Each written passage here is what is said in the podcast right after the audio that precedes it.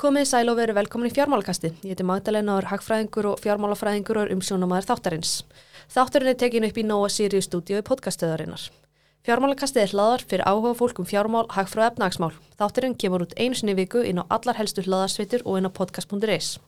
Í dag hefur fengið inga til mig settið hann Lárus Velding en sem kunnugt er þá gaf hann út nýverð út bókina Uppgjör bankamanns þar sem hann segir frá sínum tíma sem bankastjóri glitnis og þeim eftirmálum sem það hafiði. Uh, við ætlum að ræðum nýjöldkomna bókans, tíman sem bankastjóri glitnis en við ætlum líka að snerta á efnahagsmálum líðandi stundar. Lárus, verður velkomin. Já, takk fyrir. Ég ætla bara að byrja að hrósa þér fyrir virkilega góða og áhugavera bók sem ég mæli með að allir lesi eða þeir eru ekki búinir að þið nú þegar yfir hátíðanar. En nú er svona liðin meirinn áratögur frá hruninu. Af hverju ákvast að skrifa þessa bóka á þessum tímpunkti? Já, það er nú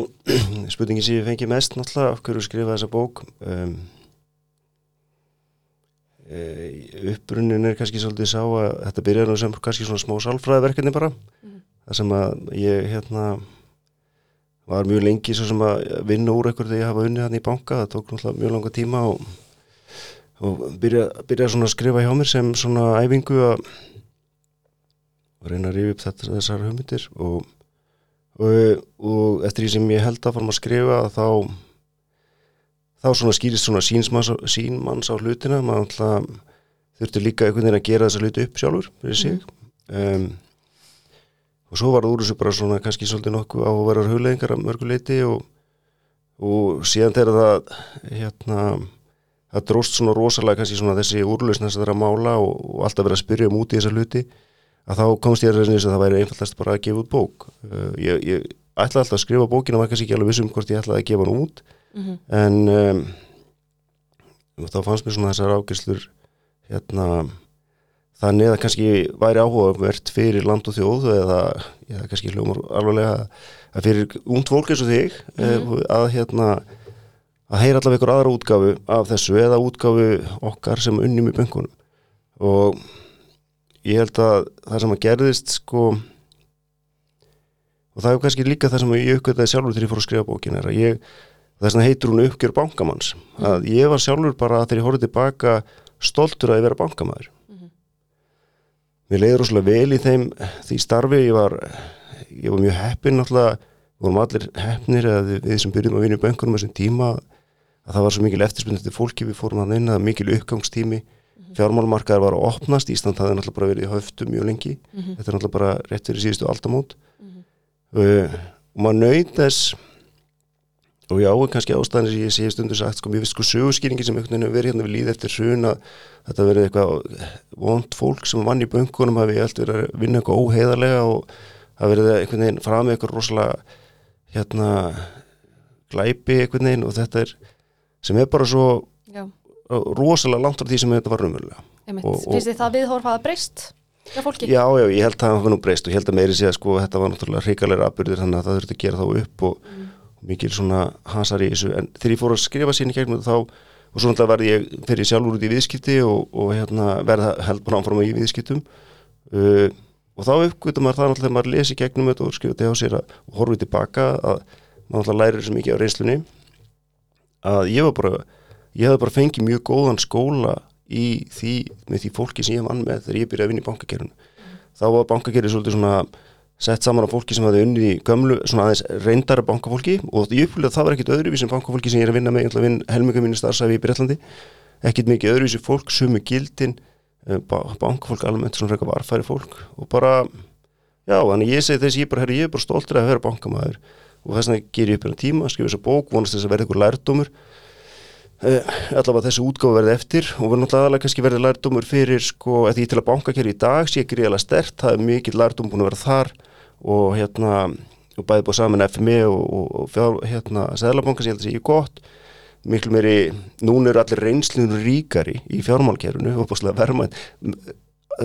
þó maður aðbrunir eru hrigalegir þá var náttúrulega þetta verðmættar einsla og menn með ekki gleyma ávart fyrir fólk eins og þið hugsa þú kannski þekkir hagsögun ekkit ósýpað og gerist í mörgum öðru löndum þegar hagkerfi opnast.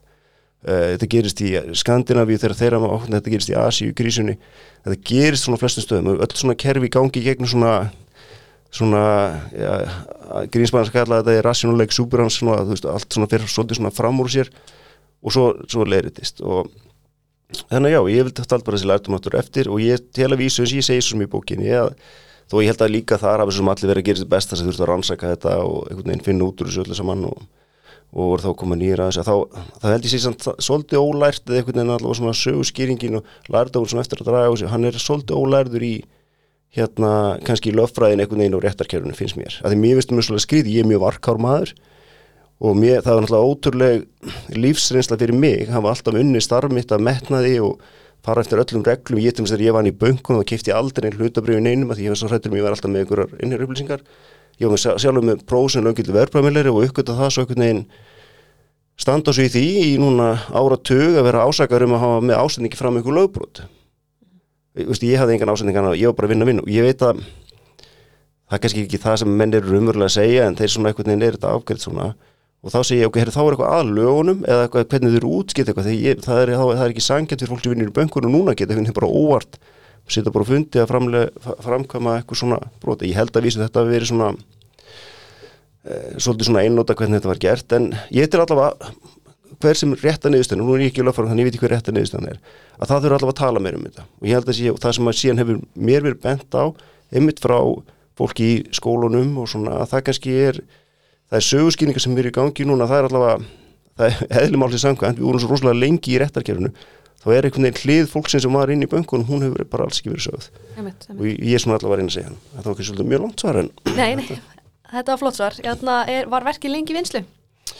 Ég byrjaði að skrifa þetta svona 2014-15 um, í lungum tíðum lestaferðum og svo, svo tóku þetta svona í gang að ég sá þeirra að ég var mjög ósattur í niðurstöðun allir síðasta málunum mínu, stímálunum mínu sem ég held að ég hafði unni rétt þá svona ákveði að bara er því í núverðinu bara klára að skrifa mig frá þessu. Mhm. Þannig að 2020 til 2022 við vorum svona kannski 2,5 ári ég og, og Jón Sigurgeir sem alltaf útgefandi, hann hjálpaði mér mjög mikið með þetta allt saman Mhm. og gerði bókina læsilega og vel, eh, hérna, já,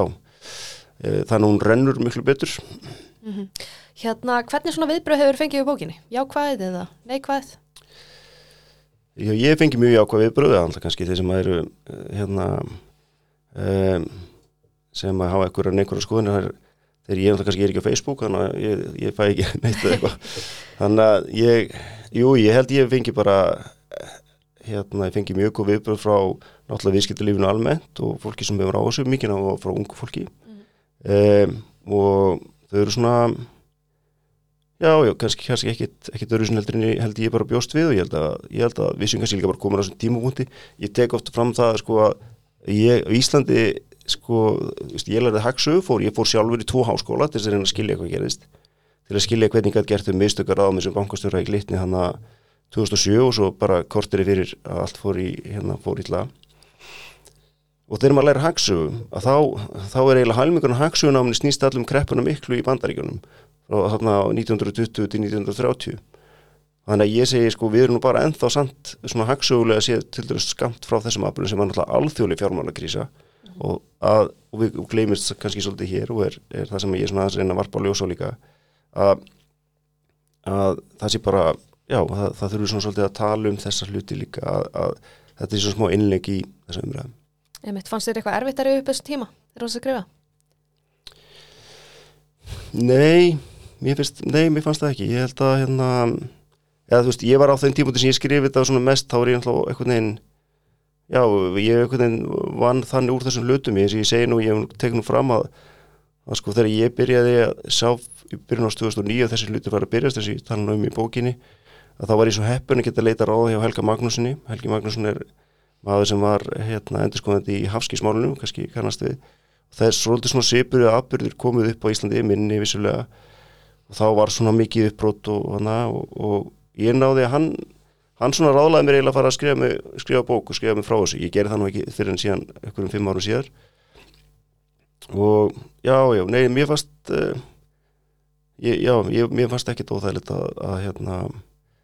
að, að rífa þetta upp þannig lagað, ég, ég var einhvern veginn ég bara komin þann stað að, að að ég er þakklátur fyrir lífsænsluna ég minna allt mótlæti ef þú nærða að virkja það rétt styrkir þig og, og í, í þessu mótlætis ég lendi í þarna eins og ég hef nátt sagt að mér, mér lukkaðist mér snemma, ég hef náttúrulega mjög góða fjölskyldu og ótti góða að að setja sjálf á mig þá stöðu sem herðu ok, ég er nú samt þáttur allt, ég bara lendi einhvern veginn í því að ég er bankustjóri á fárálega ungum aldri og, og það er merkilega lífsenslega lendi og ég var alltaf okkur neins og svo, og svo sá ég það bara sem hlutur mitt að nálgast verkefni bara eins og faglega og ég gatt að vera þá að ég hafði svona fullan skilningum ég er náttúrulega leið e, náttúrulega ræðilega sjálfum yfir því að einhvern veginn hafa verið í fórustu þegar þessi ríkulega ábyrgi gerast þannig að maður svona já, það er það er bara, það er já, svolítið gott að, og í, í leitugninu alltaf á hlutverkið mitt að vera svolítið í þessi bók að reyna að segja þetta bara eins og heiðalög í gatt mm -hmm. þannig að þessu yrði eitthvað lærdómur og hérna já, ég, ég sé mér er verið lukkast alltaf einhvern veginn, lukkast til að snemma í þessu svona ferli að að setja, setja þetta í, í rétt samengi held ég, að þú veist, ég var þessu uppgangur, ég var þarna uh, ok, þetta er, það er mitt verkefni að vera mjög lengi í réttarkerfinu og það er vissilega mjög mikið ála sem fylgir því. En ég vil líka taka það ábyrð, ég var fórstjóri bankans þegar þetta gerist, þannig er það bara. Og, og hérna, þannig ég reyndi bara nálgast það þannig en, og og að þú setur það svo sem í samingi við það að vera fást við þetta, við fólk, fólk lendir í alls konar í lífinu. Mm -hmm. það meina ræðilegum bara þannig að, að já, ég er ekki að segja að þetta hefur verið léttvægt, þetta var mikið verkefni klárlega og reyndi mjög mikið á en þá var allavega, ég minna þá ég sagt að, að það var alltaf læg með fjölskyldu mína, það var engin veikindi eða mm. neitt, við, við, við góðum bara bara haldið hann fram. Einmitt. En svona þegar þú reyfið þetta upp, hvað var svona skemmtilegast við þann tíma þegar þú varst bankstjóri glitnis? Skemmtilegast, þetta var góð spurning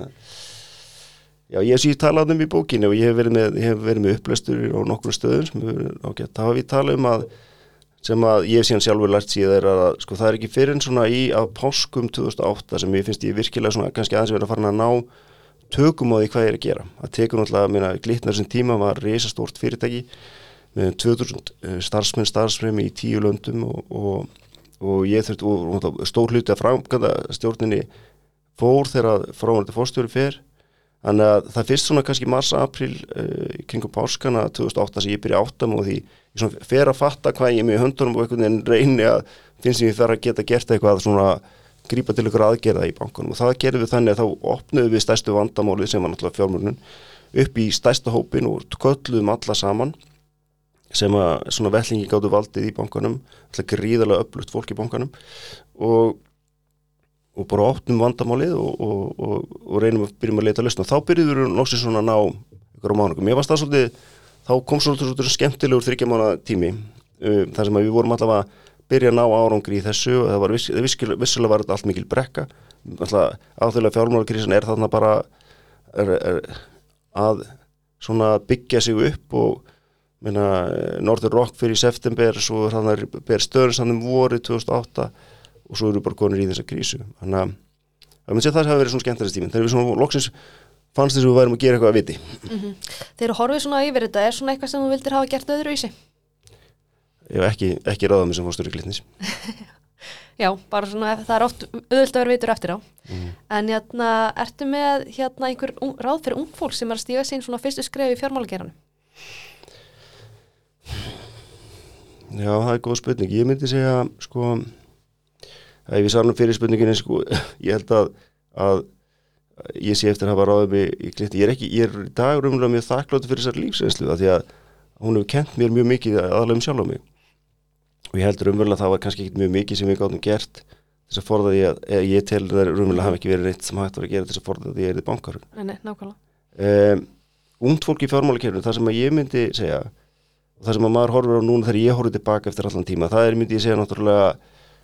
sko leitiðu upp leitiðu upp reynslumesta fólkið í bankunum eða í þessum fjármálufyrirtækjum reytið upp fólki sem að reyniði, ég var svo óbáslega lánsamur að, að hérna, ég fekk góða lærifeður. Uh, það eru bara mennir svo við, minn fyrsti yfirmaður var Erlendur Magnusson, mjög reyndur bankamæður hafði vinni í London og kom og vann í fjárhastegbank aðalinsins þegar ég kemur til þeirra Íslandsbanki FBS þá, þá, þá einhvern veginn fæ ég að vera svona hjá Byrni Bjössinni sem var heitinn sem var mjög reyndur bankamæður, hafði verið bankastur í Næbankans, Valur Valls sem var bankastur þarna um, leitið upp í reynslu mesta fólkið og eigið tíma um þeim. Reynslan er, eh, er mikilvæg og, og, og það er hérna mikill lærdómur oft í því að því þetta fólk hefur líka farið séð í gegnum seflunar. Mm -hmm. Það er alltaf orðið því, því ykkur mun finnast allt og varkárt og ekki skilja hlutina okkur og vera allt og afturhald samt og svo meðis en, en í öllum í öllum bara eins og í öllum ég er nú kannu ekki í fótboltaðinni í öllum svona liðum er, er snýnsið alltaf með liðið sér rétt samsett. En þessi, þetta fólk er mikilvægt það er mjög mikilvægt að hlusta vandlega og læra þessu fólki, það er það sem ég myndi alltaf ráðleika fólki og svo lesa hagsögu. Hún er mjög mikilvægt Gott ráð. Hérna, hvað finnst þið svona helst að breyst í bankastarðsemi frá áranum sem þú varst bankastjóri? Ég var náttúrulega bara bankastjóri í mjög stuttan tíma á þessum, þessum skrifnum tímum Um, þar voru náttúrulega í þessu banki gerir mjög alþjóðlegt uh, og var náttúrulega gríðilega stórum hluta heiltölu fjármagna. Íslenska bankir í dag er stendur gríðilega stert, það er með óbústum mikið EIFI, er náttúrulega e,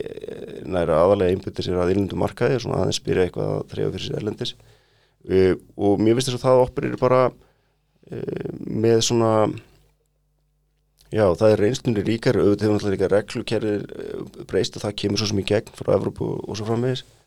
Þannig að ég myndi, það er svona, hugsa svona einfaldast að það sem hefur breyst kannski er að íslensku bankarnir, af því að það var svo mikið gnótt fjármóks á þeim tíma, að það var kannski fjármóknunum þeirra sko 60-70% einhver svona heiltsölu hérna, skuldabriða fjármóknun og svona 30-40% hérna, e, innlán og svo náttúrulega EIFið. Og núna er EIFið bara tvefald eða þrefald meira, mm -hmm. þrefald meira líklega Eh, og þetta verður algjörlega snúast við. Það er mjög lítið af skuldabrjöfum og náttúrulega mjög lítið af einhverjum erlendarskuldabrjöfum og mjög mikið af innlánum mm og svo hefur náttúrulega, hérna, hefur náttúrulega breyst fyrir íslensku bankana þeir eru náttúrulega búið núna yfir því að sem er eðlilegra og það sem, að, það sem er eðlilegra eða þekktar úti er að þeir sinna miklu meira leiti þessari húsnæðisfjármunum það var alltaf svolítið skríti í íslenska bankakerfunu að hér var íbúðulánunsjóður og lífyrirsjóðnir sem lánuði svo mikið á móti fastegnum og menn voru alltaf að horfa á bankana og segja, hvað er húsnæðis, íbúður húsnæðis eh, lánin ykkar Hvað myndir segja að væri svona erfiðastu ákvarðanina sem maður tegur sem bankstjóri? Það er alltaf að það er alltaf að þú verður að segja fólki mm -hmm.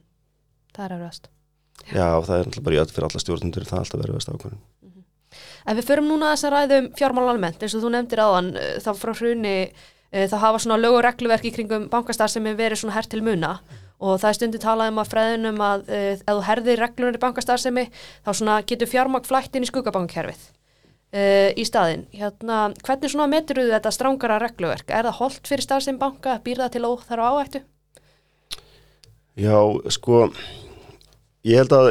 við erum klárlega með alla reglunar í mjög, hérna... Uh, ég líka að tala um þetta bara svona í alltíðulegu samengi, sko. Já, já, alveg klárlega og, þú, og sé, maður sér alveg hvað gerir, þetta er umverulega, ef maður horfður þetta einfalt, að það er þannig eins og alltíðulegu umhverju hafið sagt, sko, okay, bank, það var hérna alltíðulegu fjármálagrísa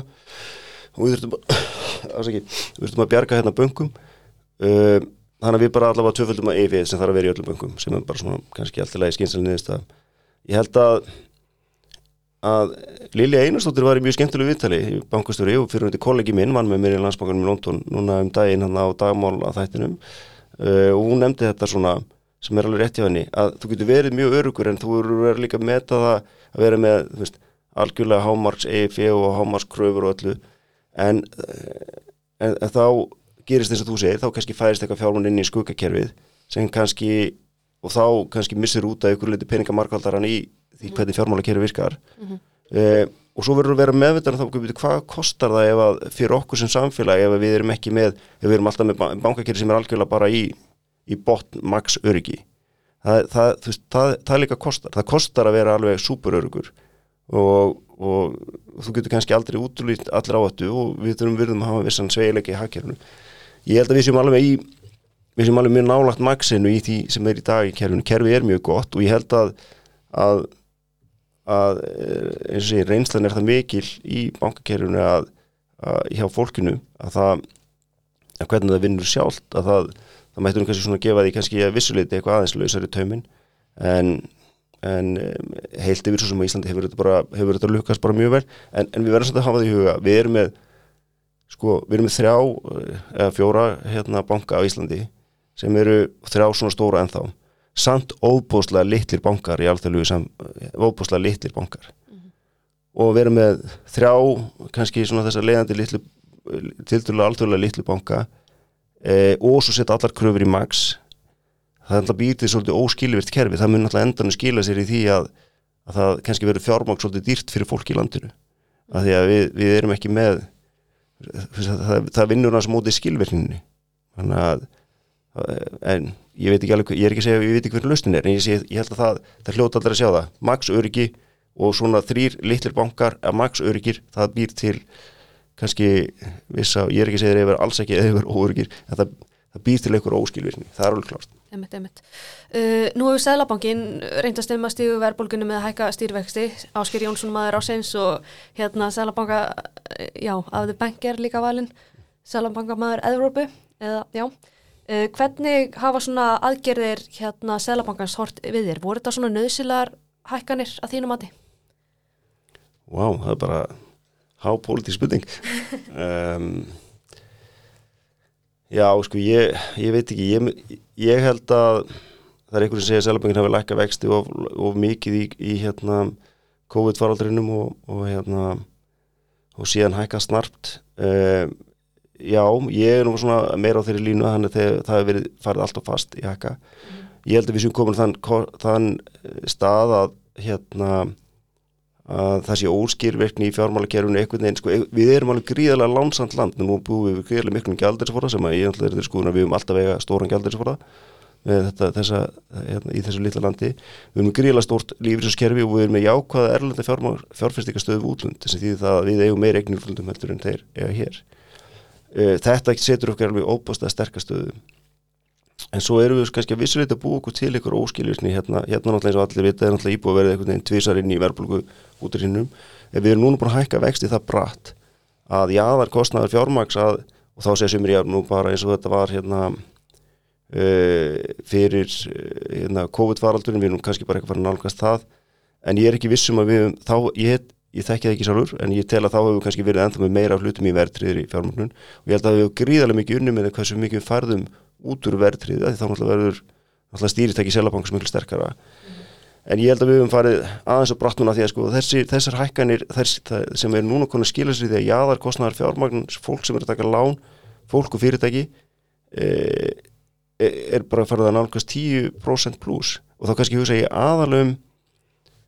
það sem ég kannski ég get alveg skila vilja kærlinur fastana markaðan og ég held að það hafi nú eiginlega bara þegar tekist og hann sé nú bara bremsa af reyka hratt nefnum alltaf þýldið til að það nýtir fólkinu aftur í verðtrið þannig að þá eru það það er svona, svona klára harfræðinga eins og áskils að metta það hvað sé best að gera því. En það sem ég hef kannski aðeins meira ágjur af er að jáðarkostnaðurinn fyrir fjármagn fyrir fyrirtæki er mjög hár í alþjóðlega samviki, mjög hár. Og við erum samt með hæstu laun í heimi sem þýðir það að við þurftum að vera mjög framleiðin. En við getum ekki verið framleiðin með fjárfæstum og það er óbúslega erfitt að fjárfesta eða vera samkynnsafir í útlöndum eh, ef þú ef að, að jáðarkostnaði fjármaksins til að byggja eða stekka vesmiðunum þína eða, eða einhvern veginn velvæði er orðin svona hárið núna og ég held að við séum já, ég held að það sé kostnaði sem samfélagi ber núna Ætti þá Sælabankin kannski að beita einhverjum öðrum stýritækjum til að snemma stegu verðbólkunni?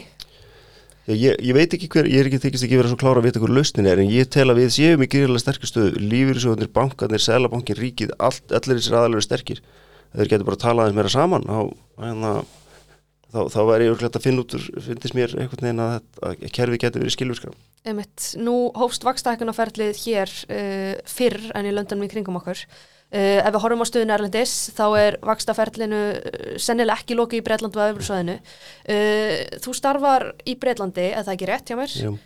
hérna, hvernig svona horfir þessi staða við þér? Heldur efnags ástandi verið svona verra áður en að vera betra? Já eins og við sagt aður þá sko þá eru við með það sem er kallað svona cost of living crisis í hérna Breitlandi sem snýr aðalóta orkuverði mm. sem er náttúrulega hlutur sem við erum ekki svona hugsum á Íslandi. Nei en ef maður kemur er einmitt, er einmitt típist verkefni sem við ættum að fara, vera að fara í til svo auka framleginni það er í mínum að virkja meira og ná að nýta betur orkun á Íslandi. Þannig það er líklega eina leðandi sem við, getum staðið undir mjög háum launum og þessum mikla jöfniði sem er hér. Í Breitlandi snýst allt um orkuverð í augnubíkinu, mjög mikið. Kostnaðin við það bara að, að e, bara halda öllu gangvæti um, og það er þannig ég tel að og menn er svo sem að spá því að, að, að Breitlandi verði ástandi svona frekar þúnt á þessu ári. Og munið svo komið tilbaka og Breitlandi eru svo sem að sjálf vera fást við fullt af vandamáli sem er búin að vera fást við Brexit, flækjast þessi tífylgir og svo kemur alltaf COVID-faraldurinn. Uh, óstability í, hérna, í pólitíkin hefur ekki hjálpað heldur. Uh, þannig að Já, ég myndi halda að það er allavega, ég seti í stjórn allavega mjög stórs fyrirtækis í Breitlandi, Iceland Foods og það fyrsta sem við erum alltaf að, er að hugsa eru fyrsta lagi eh, hérna orkuverðið, hvað gerist með orkuverðið, hvernig getum við bara haldið ljósunum og fristikisturum í gangut í búðunum? Og svo náttúrulega í öðru lagi þá er að, að sama er svo sem ekki búið að vera gerast út í Breitlandi og í Evrópu að fjármarsmarkaðin hafa verið algjörlega lokaðir. Þannig að við horfum mjög mikið þessu hvernig mun, hvernig mun fjármarsmarkaðir þróast. Til þess að við getum enda fjármarna þær skuldi sem við erum með. -hmm. Nú hefur fastegnaverð á höfuborgarsæðinu ræðum aðeins sem fastegnamarkaðin hækka um 20% árin sem við leið. Uh, það hefur svona mikið verið rætt um frambóða eftirspurn á húsnæðsmarkaðinum og þá sérstaklega undanfærið eða síðastlið ár verið talað um að hafi ekki verið byggt nægila mikið. Hvernig svona metið þú þessa stöðu? Já, ég er nú kannski ekki mest í sérfræðingurinn í þessu en, en hérna um, já, meni, við erum náttúrulega það er lánsum að vera vaksandi þjóð og það verðist vera og það er það sem með mitt maður hefur áhugjur af með hækkandi, með hversu hátt vextinir hafa verið kerður upp og hvernig staðan er í, í hérna bunkunum, að við séum aftur að bremsa af framlýsliferðlið á íbúið minna marka í þjóð sem er sem betur verið vaksandi, með að vera aukast íslendingum er að fjölga. Um, þannig að ég held að við þurfum að finna einhverja leið til þess að að halda því svona stöður þessu flæði það sé alltaf verið að byggja og alltaf verið að endur nýja þannig að það sé alltaf að koma aukast íbúðamagnið sem er, er þannig að frambúður sé fyrir eitthvað stöðut Jú, það má segja vissiliti færri rauk fyrir því að það hefur orðið sko eftirspunnar sko sprengja með því að læka vextinu svona langt niður. Um, en þetta er náttúrulega bara verkefni Sælabankans og bankana kannski ykkur í sammenningu að ríkistöðunar að reyna að finna þetta jafnvægi þannig að við mingum, við mingum sveiflur. Mm -hmm. um, og það finnst manni hafa verið svona já, og svo náttúrulega sem menn talum eða allavega í þessum verktaka hérna bransa talum, skortur og frambúðum og lóðum í Reykjavík og svo framvegis. En að uh, það, það er einhvern veginn mjög skítið þegar þú horfir á, ég er nú mikið í flugvel og hérna það er alveg ótrúlegt þegar maður tala um, þegar maður flýgur bara frá hérna, þú þegar það tekið svona flýðið yfir Reykjavík og þú horfir svona yfir Ísland þannig að Reykjavíkskan og þegar menn svo sama tíma ertu kannski að lesa okkur greinum og greiðan að loðaskort við erum alveg rosalega stórt land og við hefum ekki byggt mikið. Þannig að, þannig að ég sem, kannski tekki ekki alveg lesnundur eins og en ég held að stöðuleikin sé kannski og kannski aðeins mér í langtíma hugsun í því að, að það sé stöðut frambúð af, af húsnæðin Einmitt. eins og svo oft aður þá enda ég þáttinn á léttunótunum hvað er svona, þú starfar upp í Reitlandi hvað er svona, hvað, hvað ert að gera þar? Ég er náttúrulega, eftir því ég hætti að vinna í bankum og þá, þá einhvern veginn þróast ég út í að vera svona bara sjálfsæðstarfandir ágjafi og hefur vinni mikið með þarna Walker fjölskyldin í Breitlandi sem eru eigendur Iceland Foods. Uh, og svo hefur mér veginn lukast að tengja saman uh, bara fyrir þetta kollega sem ég vunni með í landsbankunum og ég var náttúrulega mikið að ráleika fjölskyldum svona sem að eiga fyrirtæki í þessu framvegs uh, ykkur ár. Og svo var ég svo nálrán samar að vera partur og er partur af, af stóðahóknum og byggja, upp það fjárhastækjafélag sem hefur verið hans stór hluti síðustu fimm árin og mjög skemmtilegt verkefni þar sem að við höfum allir svona menn sem er uh, og fólk sem fór í gegnum hérna þessa stóru hérna allþjóðlegu fjármálakrísu hérna og vorum svona í framalegi viðskiptilífinu á þessum árum og erum svona kannski að reyna að nýta reynsluna sem við lærðum af þeim aðbörðum öllum þess að gera hlutina aðeins betur. Þetta skiptir mjög, mjög skemmtilegt verkefni og, og hérna og áhugast að fást í það. Uh, já, það er svona það sem ég gerim mm. Þú mentaði í viðskiptafræði áður og fókst í hagsögu, uh, hérna, akkur ákvæmst að mentaði í viðskiptafræði? Já, þeim tíma þá náttúrulega þegar ég, hérna, þarna á síðustu öld, og ljóma ég mjög gammal til þessi það, uh, þá, þá voru allir að menta, þá, þá voru menn, fóru menn almennt svona í viðskiptafræði, verkfræði eða lagfræði og ég var svo heppin að hafa unnið einhvern veginn í bókaldu og endurskoðun svona með skóla og það einhvern veginn lág bara vel um mér. Við mentaði með viðskiptafræði og, og ég var umvel bara öðru ári í viðskiptafræði þegar ég var byrjaður að vinni í fjárhastíkabónka aðalýsins þannig voru nú tíminn þá sko. Mitt, og árunum eftir hund þá fórstu til bandaríkjan að læra haksu, hvernig kom það svo að hverjum til? Já, ég fór nú að vísu bara til bandaríkjan í, í svona hérna, stjórnendanám hérna í Harvard, Harvard Business School sem að hérna, ég sótt um til þeirra til að fara í MBA-nám og þeim fannst ég allt og skrítin til að hafa þetta verið bankastjóri og og eitthvað til þess að fara í það. Þannig að þeir ráðlega mér að fara í þetta. Ég fór þess að kalla þeir AMP nám og einhver hann farið gríðarlega áhugvart nám, svona tveggja mánuða stjórnundanám og það vakti áhuga minn á hagsögunni. Þar var einmitt case study svona, hvað sé ég kalli þetta rannsókn í Harvard Business School sem var um Ísland. Og snerist mikið um hvort það þetta downgreita, hvort það mútís þetta lækka lánsæðismenn, þetta er mjög áhugavert case study. Og ég var meira að segja í því case study að því ég hef þannig að ég kynntist ágætla profesorum í því og þeir, svona í kjölfara þeim bóku sem þeir eru að láta mig lesa þá ok, ég fara síðan í Haxu í London School of Economics og, og tek Haxu þar og skrifaði mitt mastersríkir, hann var engin meistara hann var engin listasmýðsúríkir og ég var nú svo sem að berjast við mjög mörgulegfræðverkefni og vinna á sama tíma en mjög þakkláttu fyrir að fara í gegnum það nám og það svona hjálpaði mér á endanum held ég að skilja allt saman og skrifaði mitt um hagsveiflur í Íslandi frá 1870 og þannig að, já, mjög mismundi líka námið í bandaríkunum og Breitlandi það var bara, bara svart og hvít hvernig hvað það er kent Að hvaða leiti? alltaf rosalega lifandi í, í bandaríkjunum, rosalega lifandi að það er svona, svona stjórnendan á meira svona í MBA stíl og hérna þannig að ég hvet nú alla sem að hafa brennandi áhuga viðskiptum að reyna að komast í svoleiðisnáum. Hagsugunámi var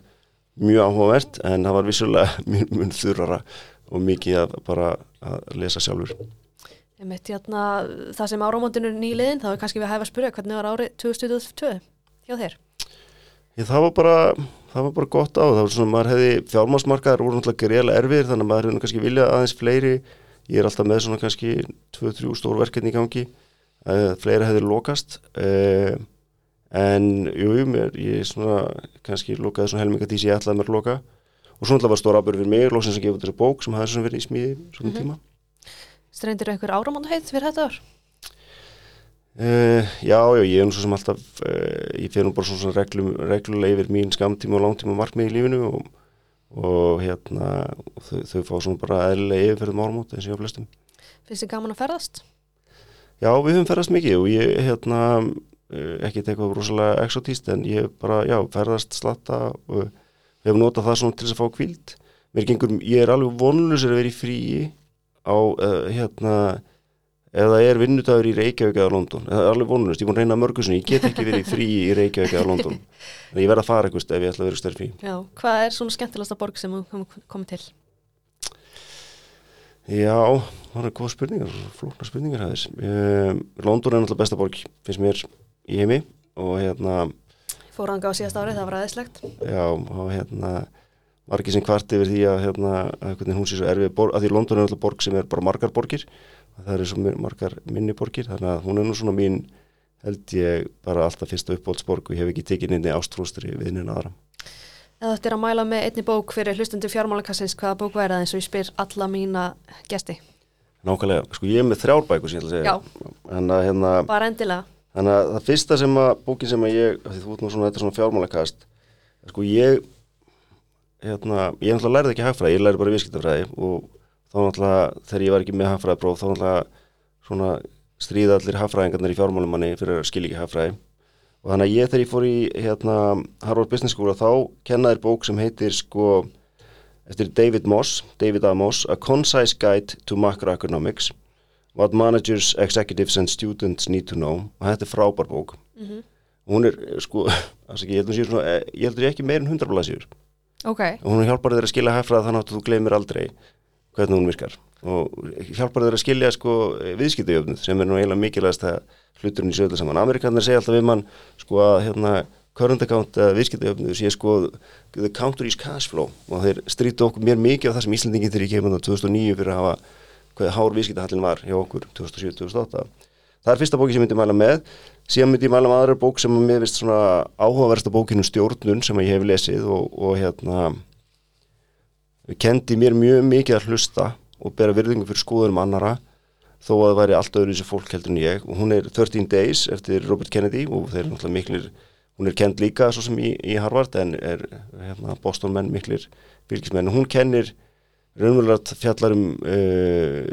hérna kúbustríðs uh, deiluna, Cuban Missile Crisis og hvernig þeim bræðurum hann að Kennedy bræðurum tóstur umlega afstýra því. Greila áhugaða bók og hérna mér finnst hún vera svona eh, kennið manni mikið í, í, í stjórnun. Þannig að og svo náttúrulega svona sjálfsjálfar bókin sem að sem ég held að sumur er mjög mikið margt, hérna, sem ég var kent að lesa fyrir nokkuð mörgum ára sem heitir sko Think and Grow Rich eftir Napoleon Hill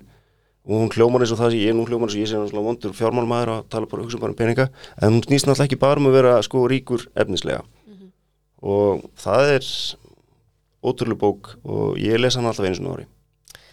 Herriði, þá er bara komið að lóka mér eitthvað að lóka sem þú vil koma framfæri Nei, bara takk fyrir að taka mótið mér og bara, og takk fyrir að lesa bókina og vonandi geta sem ég lesi flestir í lesana og svona aðeins reyna að, að, draga lærdómin af þessu. Það er mikilvægt að við, við mistök og svona atbyrðir er, stóra atbyrðir eru mjög verðmættir fyrir samfélagi og við bara verðum að læra þeim mm -hmm. Lárus, takk að kella fyrir komuna Takk að þér Fjármálkasti verður ekki lengri í dag en ég vil þakka ykkur kærlega fyrir hlustununa og minni á Instagram og Facebook síðu fjármálkastins að sem allar nýjust upplýsingarnar komin. Nýrt áttur er ventil næstu viku, þanga til, verið sæl.